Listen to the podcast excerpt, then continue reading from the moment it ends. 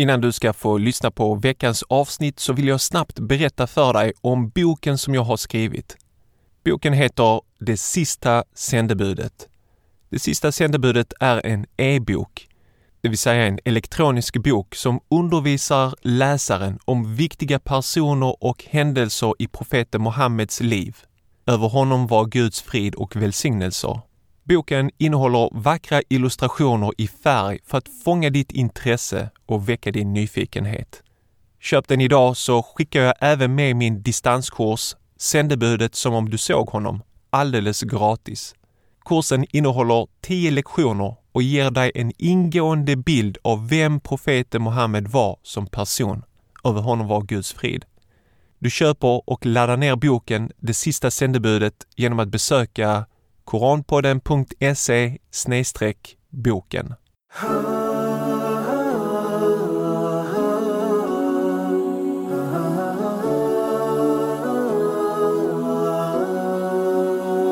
Assalamu alaikum och hjärtligt välkommen till Koranpodden. Jag heter Sally och detta är podden för dig som vill bredda och fördjupa dina kunskaper om Koranen för att på så sätt stärka din tro och berika ditt liv. I detta avsnitt ska du få lyssna på mitt samtal med Jan Järpe, professor emeritus i islamologi vid Lunds universitet. Jan Järpe har varit pensionerad sedan cirka 13 år tillbaka jag mejlade honom och frågade om han var intresserad av att samtala med mig om Koranen över en kopp kaffe. Jag måste erkänna att jag var lite nervös och tänkte att han förmodligen skulle tacka nej. Men Jan tackade ja och bjöd in mig till hans hem. Han bjöd på kaffe och ville tala om Surat al-Kahf i Koranen som gjort ett stort intryck på honom. Det blev ett mycket trevligt samtal både före, under och efter intervjun. Vi pratade mycket om hans studier och hans resor i den muslimska världen. Efter intervjun visade Jan mig runt i hans hem. Han visade mig sina böcker som han hade samlat på sig under åren, men också om sin tid i den muslimska världen. Hur han som ung docent bland annat hamnade på en av Muammar Gaddafis stora konferenser i Libyen. Jag är mycket glad och stolt över att ha fått träffa Jan Järpe och samtala med honom. Privat uttryckte jag min oro till honom om den växande islamofobin och rasismen i Europa. Han rättade mig och sa inte bara i Europa utan över hela världen. Han är självklart inte nöjd över utvecklingen och gav mig sin syn och analys över islamofobin som ingjuter tröst och hopp. Jag lämnade Jans hem fylld av förundran och respekt men också med längtan att få komma tillbaka och samtala med honom om samtiden och samhällsutvecklingen och den växande islamofobin och mycket annat. Jag skrev naturligtvis om mitt möte med Jan Järpe på Facebook och jag blev överraskad över alla vackra kommentarer från vitt skilda personer som på olika sätt hade varit i kontakt med honom eller som känner honom. Här kommer några kommentarer på det Facebookinlägget. Rashid skrev jag tolkade som konferenstolk en gång då han var med. Jag satt ensam och blev helt slut och krävde hjälp. Han ställde upp genast med att ta sin del på engelska så att jag skulle kunna vila. Sen kom han och peppade mig med lite småprat. Slutcitat. Arwa skriver Jag har också stor respekt för honom.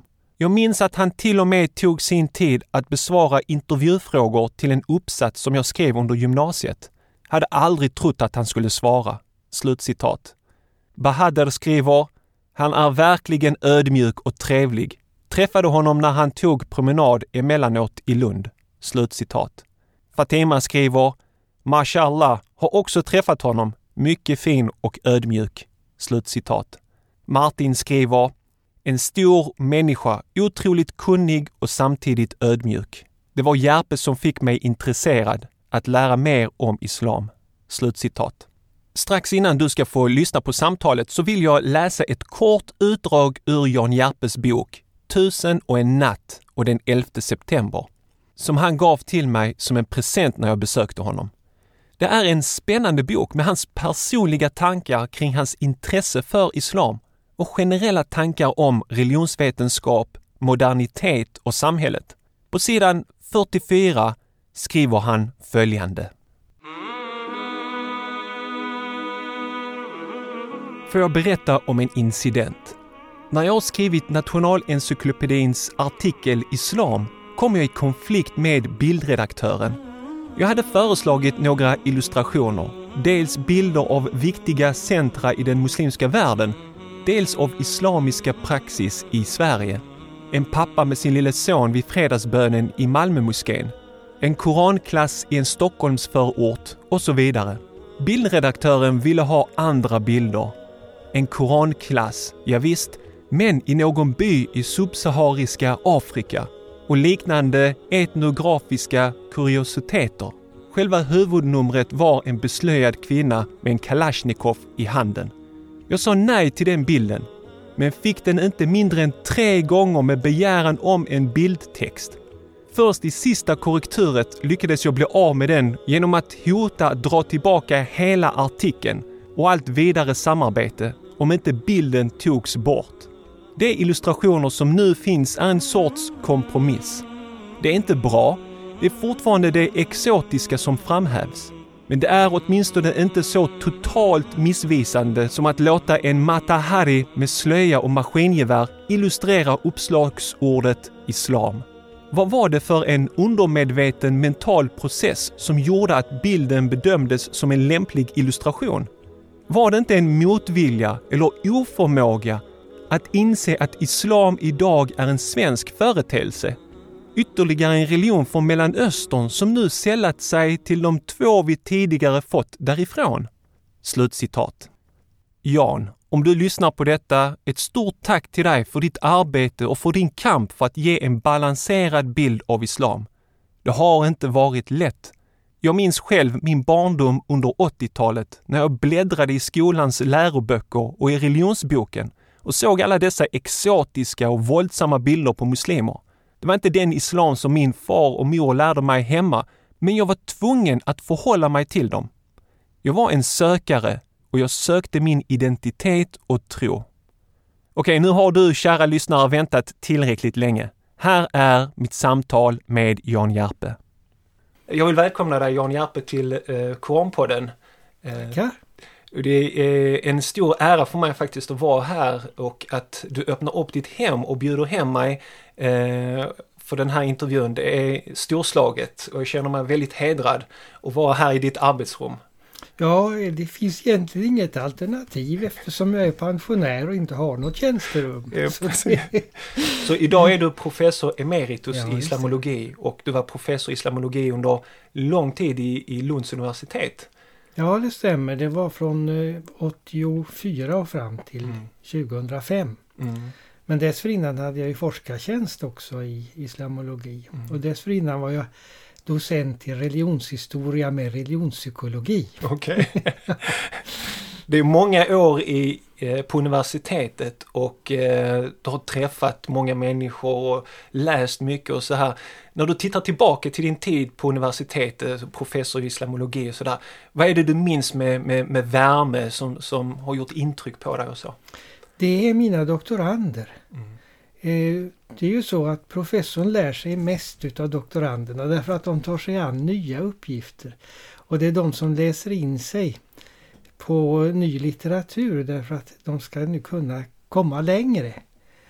Eh, Och jag skulle vilja säga att redan en masterstudent med sin eh, uppsats är förmodligen den i världen som vet mest om just det han eller hon skriver på. Mm. Så det är väldigt lärorikt och stimulerande att ha eh, doktorander, också sådana som man är biträdande handledare för. lär man sig mycket av. Och det har varit väldigt roligt. Mm. Men sen har jag också tyckt om att föreläsa eh, och försöka entusiasmera studenter för ämnet. Mm. Eh, vad var din roll då som professor när du har de här eh, som fördjupas, de här studenterna som fördjupas i olika ämnen som, som kan ämnet bättre än du? Vad blev din uppgift i det då? Ja, det blir att eh, kontrollera vad de gör Mm. och se eh, fungerar de metoder de använder, använder de de vetenskapliga redskapen på ett sätt som går att försvara. Mm. Och sen också att tip- tipsa om sånt som jag vet och som de inte vet om. Mm. Och kanske också ibland förmedla kontakter med andra forskare. Det finns unga lyssnare på Koranpodden och så. Det finns eh, säkert eh, gymnasiestudenter och andra men säkert några som funderar på det här med att eh, doktorera och så. Vad hade varit ditt, vad är det, ditt bästa tips till en, till en doktorand? Vad ska den personen tänka på för att bli en duktig doktorand? Ja, det gäller ju numera också att komma in på utbildningen och det är besvärligt eftersom villkoren är mycket strängare än det var förut, framförallt när det gäller ekonomin. Mm. Men eh, vad man ska tänka på det tror jag är redan eh, när man börjar med sin kandidatuppsats och se vilket område är det som är intressantast för mig. Och gärna titta på det där man redan har någon sorts specialkompetens. Mm. Jag kommer ihåg till exempel en, en grabb som skrev en uppsats, väldigt bra uppsats om Moridia mm. i Senegal och Gambia. Okay. Och då hade han en farbror som var shejk i El Moridia. Mm. Han hade alltså unik tillgång till unikt material. Mm. Och, och, det där borde man utnyttja. Att det finns eh, idag ungt folk, ungt intelligent folk som har specialkompetenser. Mm. En som har utnyttjat det här väldigt mycket det är på Södertörns högskola, Simon Sorgenfrey. Mm. Jag har gått igenom i vår, allt vad han har skrivit och kan se hur just i den högskolan så finns det ju studenter med olika bakgrunder. Mm. Och han ser verkligen till att det används. Och han plockar in dem som assistenter i de forskningsprojekt som han har. Mm. Och det tror jag är en möjlighet som en professor idag har och som vi inte hade på samma sätt under min tid. Mm.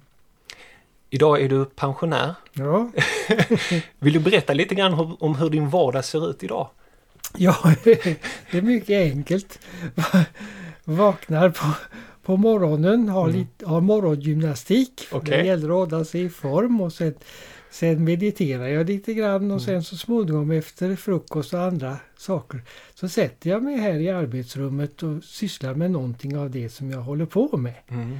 Det kan vara en, en recension till exempel.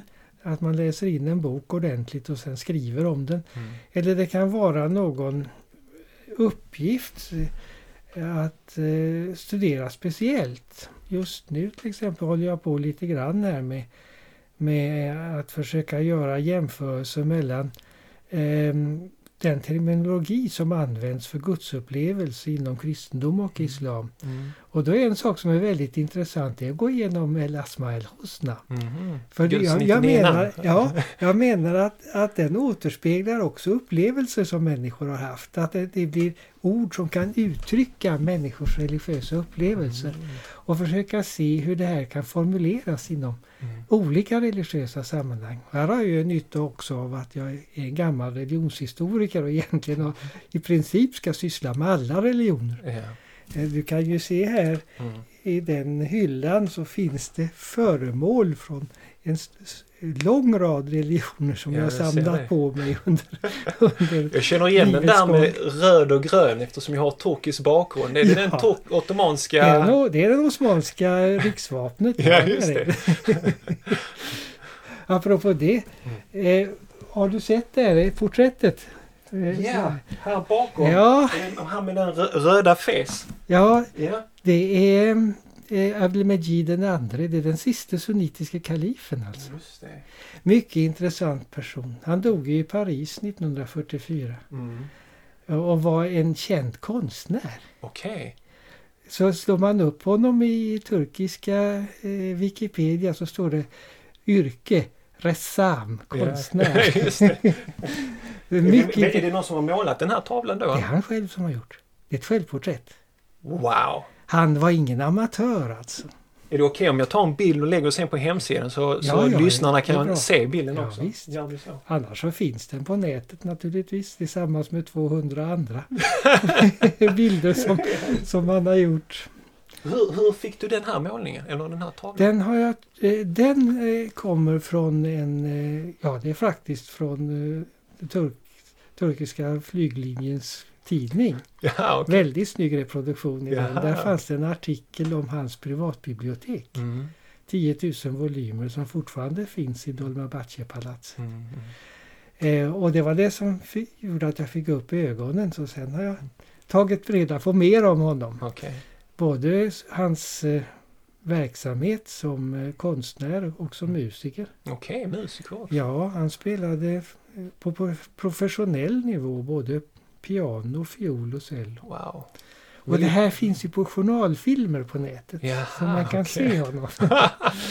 Men han var också en eh, from människa. Ja. Närmast en sofi alltså. Mm. Och han levde i, i Frankrike? Eller Paris, Ja, eller? efter det. eh, Osmanerna fick ju lämna Mm. Turkiet 1924.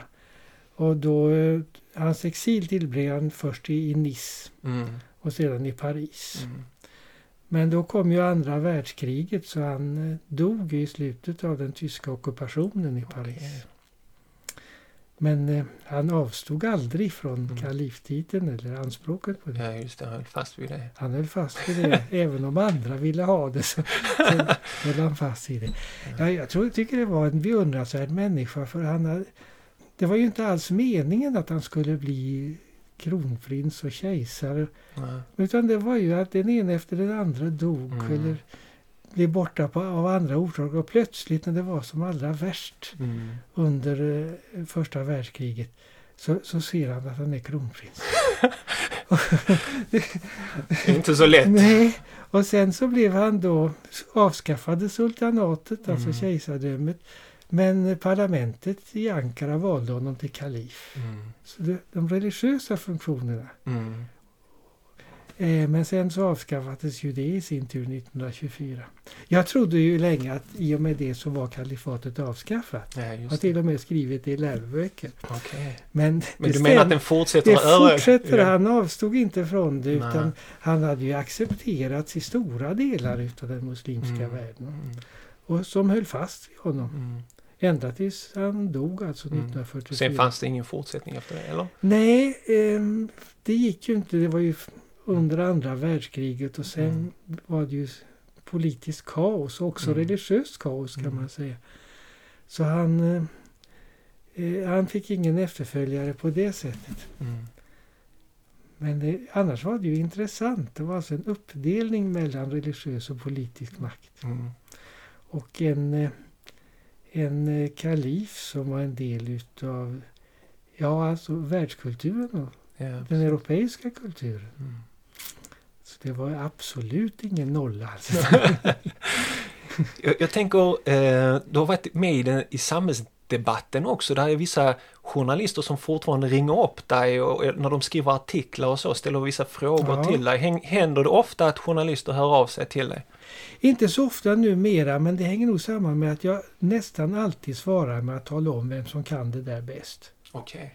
Alltså det finns ju en hel kader av yngre eh, forskare och specialister, kunnigt folk, som ofta har specialområden. Mm. Så som regel så hänvisar jag till dem. Mm. Men då brukar jag ofta få frågan, men du kan väl säga något också? ja, ja. Den gamle får uttala sig. ja, just det. Okej, kanon. Eh, som alla gäster på Koranpodden, eh, jag kallar det för Koran och kaffe och vi dricker ju kaffe här Ja. också. Tack för att du bjuder på kaffet. Eh, då, då brukar jag alltid eh, fråga gästerna att om de hittar någonting i Koranen som de vill diskutera, som, som har gett dem tankar och så. Och när jag mejlade till dig så svarade du eh, Surat al-Kaf. Ja, Surat al-Kahf har alltid intresserat mig väldigt mycket. Mm. Ehm, och ehm, jag kan till och med sätta datum på det. Det är under 51 år.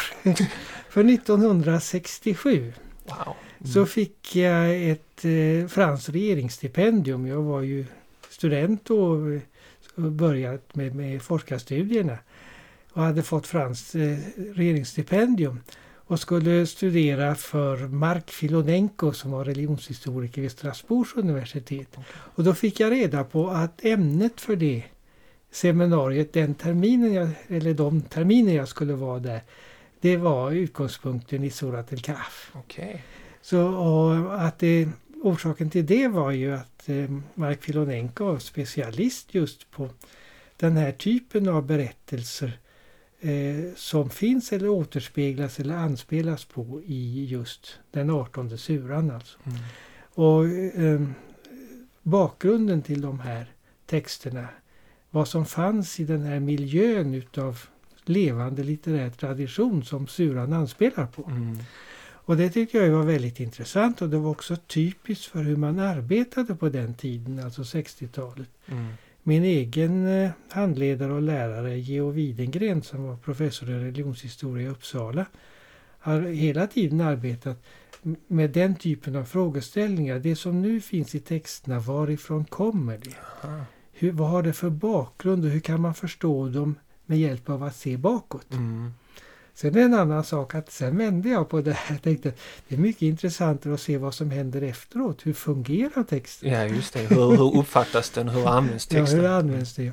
Men eh, det var traditionen då. Mm. Och det var rätt givet. Så, min, så jag satt då i Uppsala på den tiden och slet med, med den arabiska texten för att översätta den till franska så jag skulle kunna vara med i diskussionen på det här seminariet. Och seminariet var på franska, eller? Ja, det är klart. och, och, Hur många språk kan du, Jan? Ja, kan jag ett så är det starkt så. Man kan ju aldrig ett språk, de är oändliga. Ja. Men eh, eh, eh, huvudspråket för mig som har ju blivit eh, på många sätt franskan genom att Mm. jag eh, studerade vid ett franskt universitet. Mm. Men det var väldigt svårt i början för min gymnasiefranska var inte tydlig. Det är det är inte ett litet hopp där från Ja. gymnasiet till... Sen, sen i skolan så läste man ju tyska och engelska och franska. Ja. Men sen var det ju det att jag var realstudent. Mm. Och det gjorde att när jag nu skulle börja läsa teologi och religionshistoria så måste jag på den tiden var det så latin och grekiska. Ja, Så jag fick ta studenten två gånger. En gång som real och en gång som latinare. så då blev det. Och sen i och med eh, att jag började med semitiska språk, då bibelhebreiska först, så var ju arabiskan huvudspråket. Mm.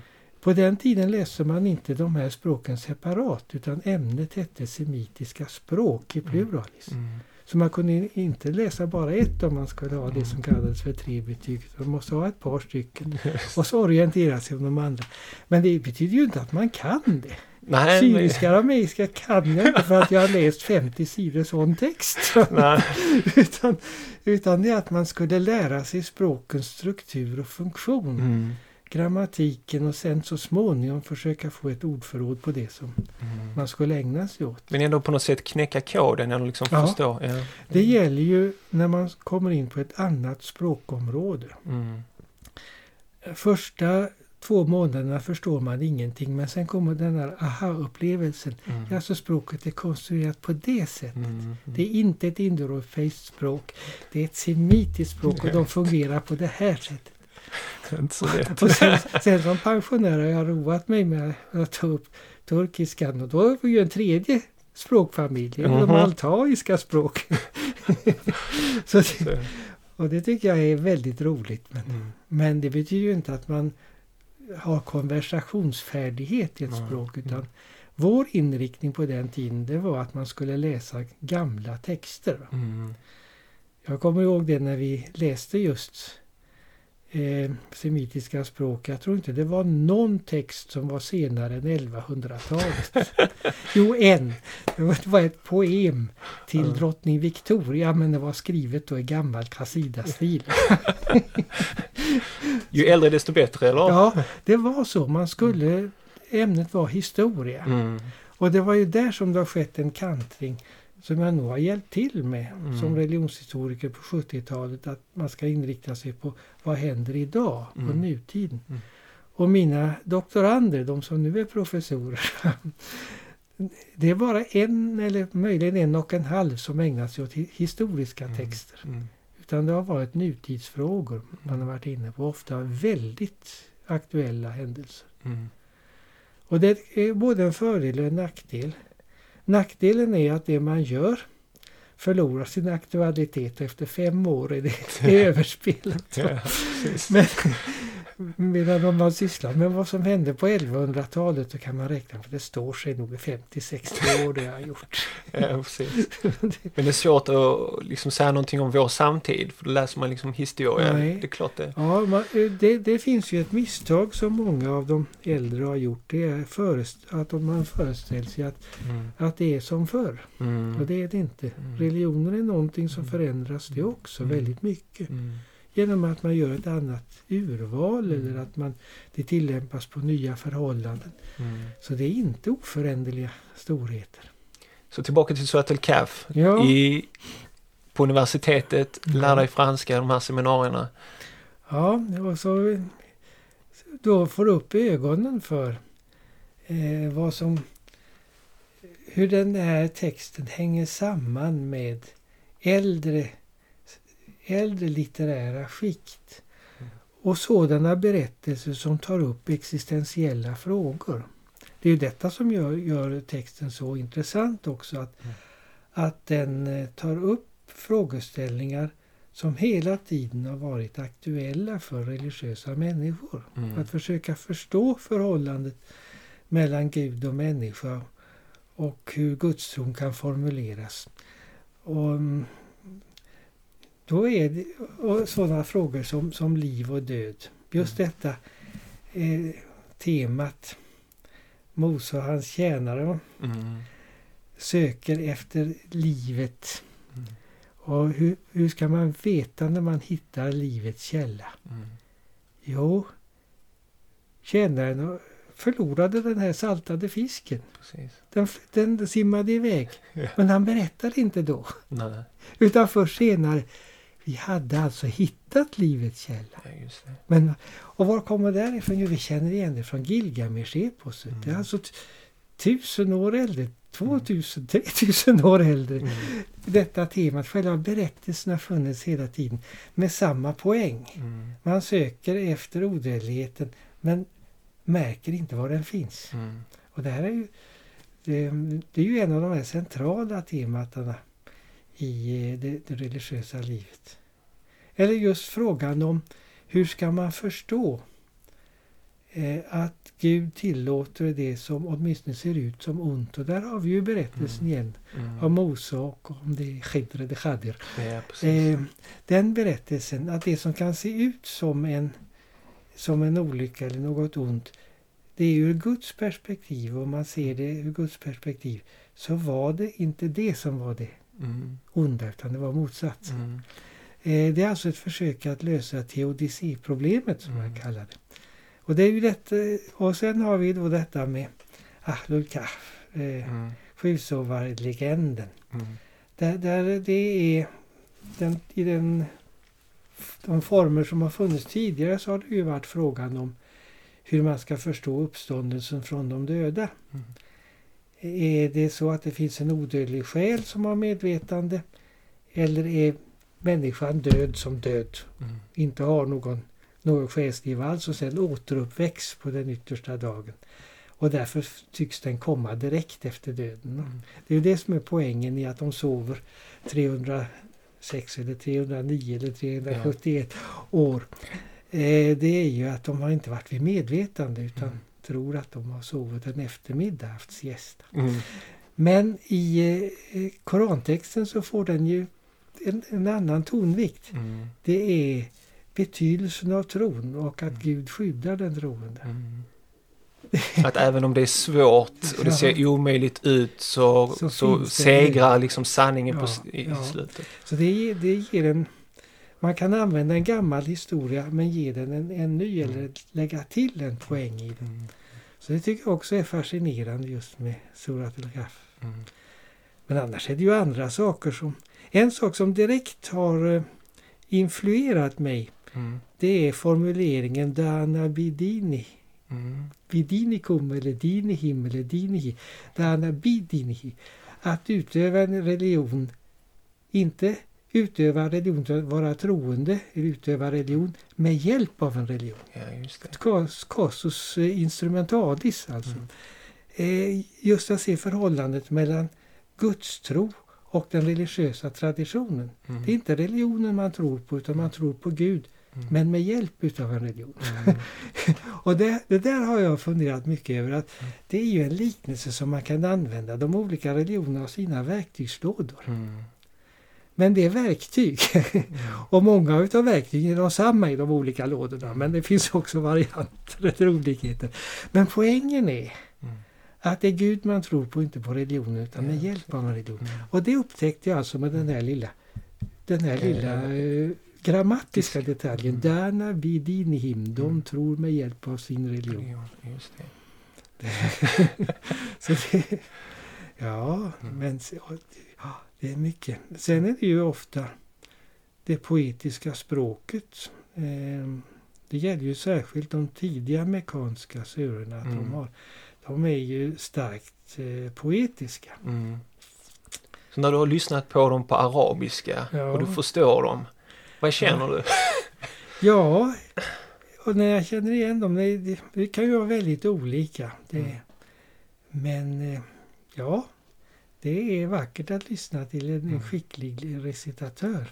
Är det någon speciell recitatör som du tycker är extra skicklig? Eh, ja, jag kommer ihåg en men jag kommer dessvärre inte ihåg hans namn. Mm. Det var faktiskt i Kairo. Mm. I själva El Azhar så satte jag mig i en sån här ring någon gång kring 1980 eller så. Mm. Eh, på ett besök på El Azhar.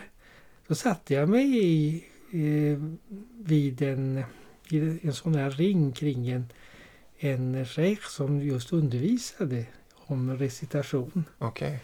Och det, det var naturligtvis väldigt hög klass på den. Ja. Men jag kommer ju inte ihåg vad han heter. Nej, nej. Ja. Uh, hur många gånger har du åkt till den muslimska världen och besökt? Vilka delar har du varit i? Ja, det var... Uh, mitt allra första besök, det var 1967. Då var det Libanon, Jordanien, och också Israel. Och eh, det var före sexdagarskriget. Okay. Så jag måste vara en av de absolut sista som har varit på den gata som fanns före det som kallas för Västra muren eller Klagomuren. Okay. För 14 dagar efter det jag hade lämnat den så var den borta. Okay. Så jag hade, jag, tog, jag minns jag tog ett fotografi där, så mm. jag har ett fotografi av det som kallas för de maghrebinska kvarteren. Okay. Orsaken jag tog det var förresten att det var en blind koranrecitatör som kom gående där. Jag ville okay. ha honom. Ja, just det. så därför råkade jag ha det kortet precis några veckor innan mm. den gatan försvann. Alltså. Eh, det var det första besöket. Det var eh, min eh, lärare i Gamla Testamentets exegetik, mm. Magnus Ottosson, som dessutom var arkeolog. Eh, med framförallt grävningar i Jordanien. Mm. Han har varit surveyor under James Pritchard som var en av de stora arkeologerna där. Likaså Kathleen Kenyon i, som grävde i Jericho. Mm. Så vi var där och tittade på naturligtvis ruiner ja, utgrävningar bakåt. Men det var ju också då som jag upptäckte en sak att det här var inte bara historia, det här är levande religion. Mm. Det var på själva tempelplatsen, alltså för, vid Masjid al-Aqsa. Mm. Uppe på den platån som jag upptäckte två saker. Detta är levande religion och för det andra så förstår jag ju faktiskt vad den här polisen säger. Okay. Med min 1100-tals arabiska.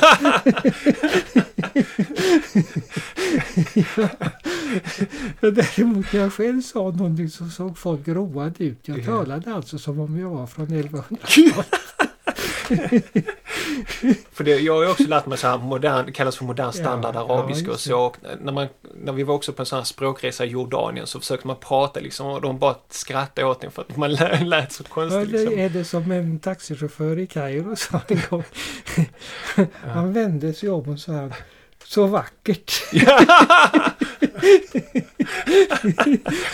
Ja, det är fantastiskt att, att man kan bevara språket på det sättet och att någon annan så långt bort kan knäcka koden och komma till ja. landet. Och, ja, jo, men det är klart, men det är ju också den nackdelen att det är inte det talade språket utan då är det konstspråket. Mm. Och det man lär sig i skolan. Och det är ju ett problem för en kategori och det är ju skådespelförfattarna. Mm. Ja, vad gör man då? Jo, man skriver historiska pjäser. Ja, just det. ja. Det, sen har det varit eh, ja, Marocko. Mm. Eh, det har varit eh, Syrien. Mm. Det har varit i, i Pakistan. Allt det här på uppdrag. Ja, Malaysia också var jag på ett uppdrag. Mm. Det hänger ju samman med att jag under två års tid var det, knappt två år, eh, arbetade på utrikesdepartementet. Mm. Var utlånad från universitetet. Mm. Det var under den här perioden när Olof Palme var medlare i Iran-Irak-kriget. Okej. Då värvade Jan Eliasson mig för att studera vissa företeelser. Intressant. Ja, det var det. Kanske mest intressant för mig, för det var då jag verkligen fick lära mig. Det, då är vi alltså i första åren på 80-talet. Eh, fick lära mig att eh, kunskapen om det historiska faktiskt är betydelsefullt Mm. för det återfinns i det politiska språket. Mm. Eh, Polit politiker använder sig utav berättelser, allusioner på berättelser från den religiösa traditionen därför att folk känner till dem. Mm. Men vad menar man då? Det är ju berättelser som våra politiker inte kan. Mm. Och då måste man ha någon som förklarar dem. Ja men det är väldigt intressant Ja. det som du berättar nu här för det känner jag inte till. Men, men hur var det att kunna försöka förklara till diplomaterna och politikerna liksom eh, att tänka Ja. på de religiösa bitarna? Vad är det som, som, som spelade roll då? Ja, om jag tar ett exempel. Mm. Eh, då är vi lite tidigare. Det var eh, när Anwar Sadat gjorde sitt besök i Jerusalem. Mm. Och på det sättet, det var ju en väldigt stor politisk händelse. Ja precis. Men vilket datum valde han? Okej. Det kommer jag inte ihåg. Ja, du har nyss vet, jag firat, vet inte. Jag fanns du har inte. nyss firat det. Jaha, Eid. Ja, det, Jaha. det var Idel Adha. Okej. Han valde att åka på offerfesten. Ja just Eid det. liknande- Eid ja, ja, ja. Till åminnelse av vem? ja. Jo, Ibrahim. Abraham som är den gemensamma stamfadern Just det. för judar och araber. Ja. Och- Så det, Mm. det var alltså en signal han gav genom valet utav datum. Ja. Anspelande på en berättelse. Mm. Och, och i hans tal då i det israeliska eh, parlamentet Mm. så talade han om betydelsen av offer och offervilja. Ja. Och även, eh, och så tog han upp ett annat exempel, Hudaybia-fördraget. Mm.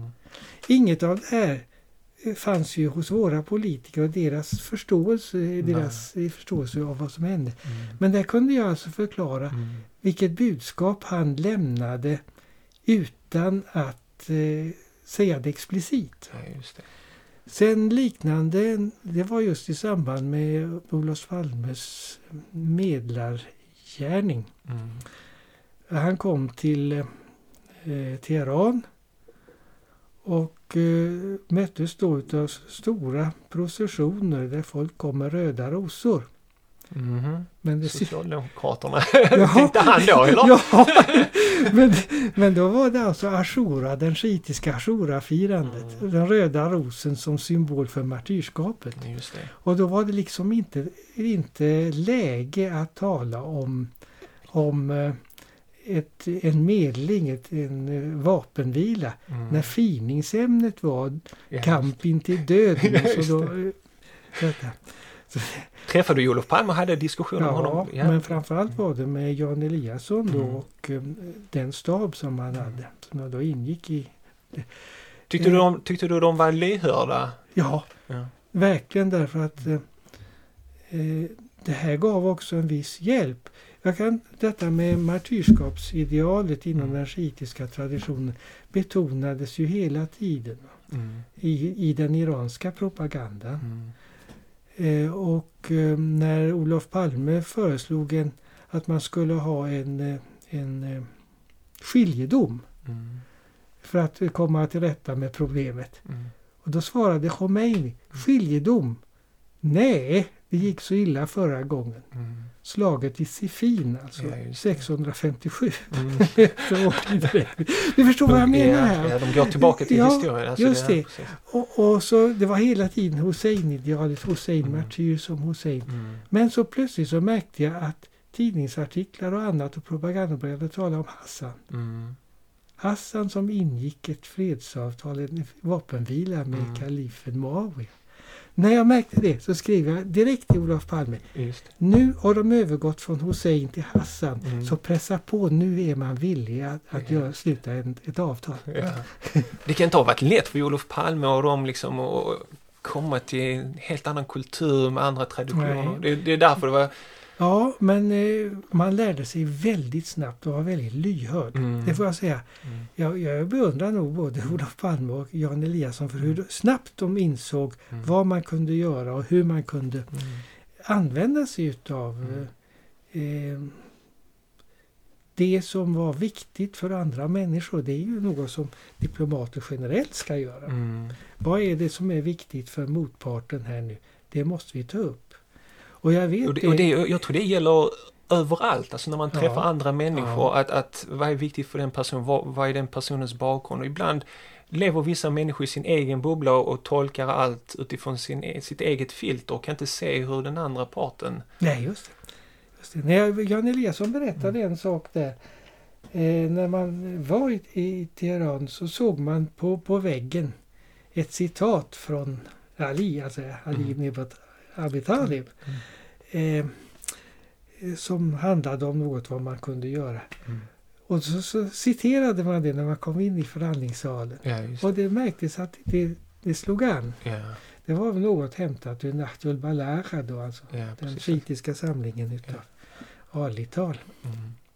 Fascinerande. Ja, jag tycker det. det, det fick, det fick, gjorde att jag fick upp ögonen för Nahtul Balagha också. Eh, så vad var ditt intryck av den muslimska världen på den tiden långt tillbaka? Då känner man, man känner kanske inte till så mycket om liksom Pakistan eller den muslimska världen som man kanske gör idag?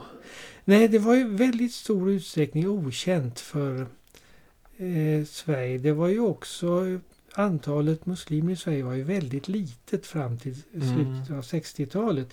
Det var ju, och då var det ju framförallt Balkanmuslimer, det var ju från det gamla Jugoslavien. Mm. Så eh, man var nog inte så särdeles medveten om att religion fanns. Utan det kom ju senare. Mm.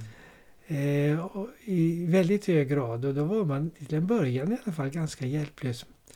Och det var då liksom journalisterna började ringa. Mm. För att få reda på vad, hur kan man tolka det, hur kan man tolka det, hur ska man förstå det här. Men idag så har vi ju en kader utav mm. journalister som verkligen kan de här sakerna. Mm. mm. Jag tänker väldigt duktiga. Mm. Från Cecilia Udén och framåt. Mm. Jag tänkte att vi försöker avrunda det. Är det några sista tankar du har? Jag har jättemycket frågor om, om samtiden, alltså eh, när vi tänker på eh, samhällsutvecklingen idag och eh, i vilken riktning den har tagit och även den tilltagande islamofobin. Så jag skulle jättegärna vilja ställa frågor till men jag, jag, jag tror nog jag sparar det till en annan gång. Mm. Utan det här får nog bli eh, din historia och det du har varit med om eh, tidigare. Men jag tror det som kanske många lyssnare som jag kanske borde ha frågat med, starta med den här frågan. Vad var det som gjorde att du hamnade och, och, fick ett intresse för islam? Varför blev det inte judendom eller buddhism eller någonting mm. annat? Ja, det var ju inte självklart eh, för eh, när man läste religionshistoria på den här tiden. Mm. Eh, då skulle man ha en allmän orientering, mm. helst alla religioner. Men man måste ju av rent eh, tekniska skäl välja ett huvudområde mm. och, och, så småningom specialisera sig. Att det blev islamområdet, jag tror det är några faktorer. Eh, det första hänger samman med min tidiga barndom att jag gärna ville att min mormor skulle läsa sagor för mig. Och när alla andra sagor tog slut så fanns Tusen och en natt. Svensk översättning. Så intresset går så långt tillbaka? Ja, alltså. så det var innan jag kunde läsa så, så fick jag den här miljön. Alltså man tänker Tusen och en natt, det är ungefär mm mamluktiden i Egypten, sådär 11, 12, 13, 1400-talet som den återspeglar på många sätt. Mm. Så själva miljön blev bekant för mig. Mm. Sen var det en bok som fick mitt intresse. Det var Tor Andrés I myrtenträdgården. Mm. Hans eh, föreläsningar om den tidiga sufismen. Att jag först fick upp ögonen för Tor André var en litterär upplevelse. Mm. Du vet, bokslukare som barn men när upptäcker man litteraturen, alltså att något är bra formulerat? Mm. Och min första upplevelse det var som skolgrabb, det var en essä av Tor André. Mm. Och sen ville jag ha mer utav Tor André och då kom ju I myrtenträdgården skildringen av den tidiga sufismen. Mm. Och detta gjorde att när jag sen för min professor Geo Widengren var, han var lärjunge till Tor André. Okej. Ja, så, så mycket nära relaterat till Tor André. Då måste du ha blivit jätteglad när du fick höra det, att, att han var lärjunge. Ja, det visste jag ju förut. Det visste du, ja, okej. det visste jag. och och då, när han ställde frågan om jag var, ville att, om jag ville fortsätta i det här ämnet så sa jag det. Ja, det vill jag gärna göra men då vill jag ha en huvudinriktning på islamstudiet. Mm. Ja, sa han då, kandidaten, det var utmärkt. Då får kandidaten komma tillbaka när kandidaten har läst arabiska. ja, så tänkte jag, behövs det för att få tre betyg? Vad jag inte visste då var att han värvade mig till forskarutbildning. Okej. Men det gjorde han alltså. Ja, Fantastiskt. Tack så mycket Jan för de här eh, minnena och eh, det som du har berättat. Jättevärdefullt att lyssna på. kul, kul. Tack så mycket. Tack för att du lyssnade på detta avsnitt. Jag hoppas du har lärt dig något nytt. Glöm inte att du kan se bilder på det som Jan Järpe visade mig i sitt hem på koranpodden.se 55. Har du funderingar, frågor eller vill lämna en kommentar till Jan Järpe? Då gör du det lättast genom att gå in på koranpodden.se 55 och lämna en kommentar längst ner på sidan. Under veckan kom det in en trevlig lyssnarkommentar som fick mig att småskratta. Kommentaren löd som följer. Jag har nu börjat lyssna på Koranpodden när jag står och lagar mat. Subhanallah, matlagningen går mycket lättare och jag får något annat gjort samtidigt. Må Allah belöna dig bror. Slutcitat. Vad underbart att Koranpodden kan underlätta och göra dina hemsysslor trevligare. Till sist vill jag snabbt påminna dig om att du kan köpa och ladda ner min e-bok Det sista sändebudet. Besök koranpodden.se boken. Nästa avsnitt uppehåller jag mig i Lund. Jag träffar Laila Persson som är konvertit och har varit muslim under en mycket lång tid. Här är ett litet utdrag ur den intervjun. Varför får jag sån respekt? Varför känner man inte det? Och varför går de inte ut på fredagen? Varför dricker de inte? Varför har de det så himla fint hemma och rent och snyggt? Jag var så överväldigad över deras sätt att leva. Och jag menar när du får fyra somaliska kvinnor omkring dig som bara vill bjuda på allt, hjälpa dig med allt, kommer och hälsa på dig. Det var ofattbart faktiskt.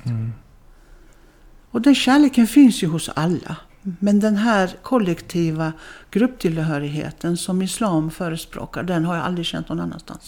Aldrig. Som du kan föreställa dig så blev det ett fantastiskt samtal som du definitivt inte vill missa.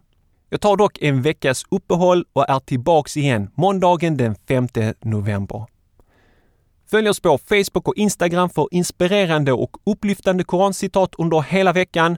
Och vill du komma i kontakt med mig så gör du det lättast genom att mejla mig på hej koranpodden.se. Då återstår det bara för mig att önska dig en härlig vecka. Tack för att du lyssnar på Koranpodden. Vi hörs igen den 5 november. Ta hand om dig tills dess. Salam alaikum wa rahmatullahi wa barakatuhu.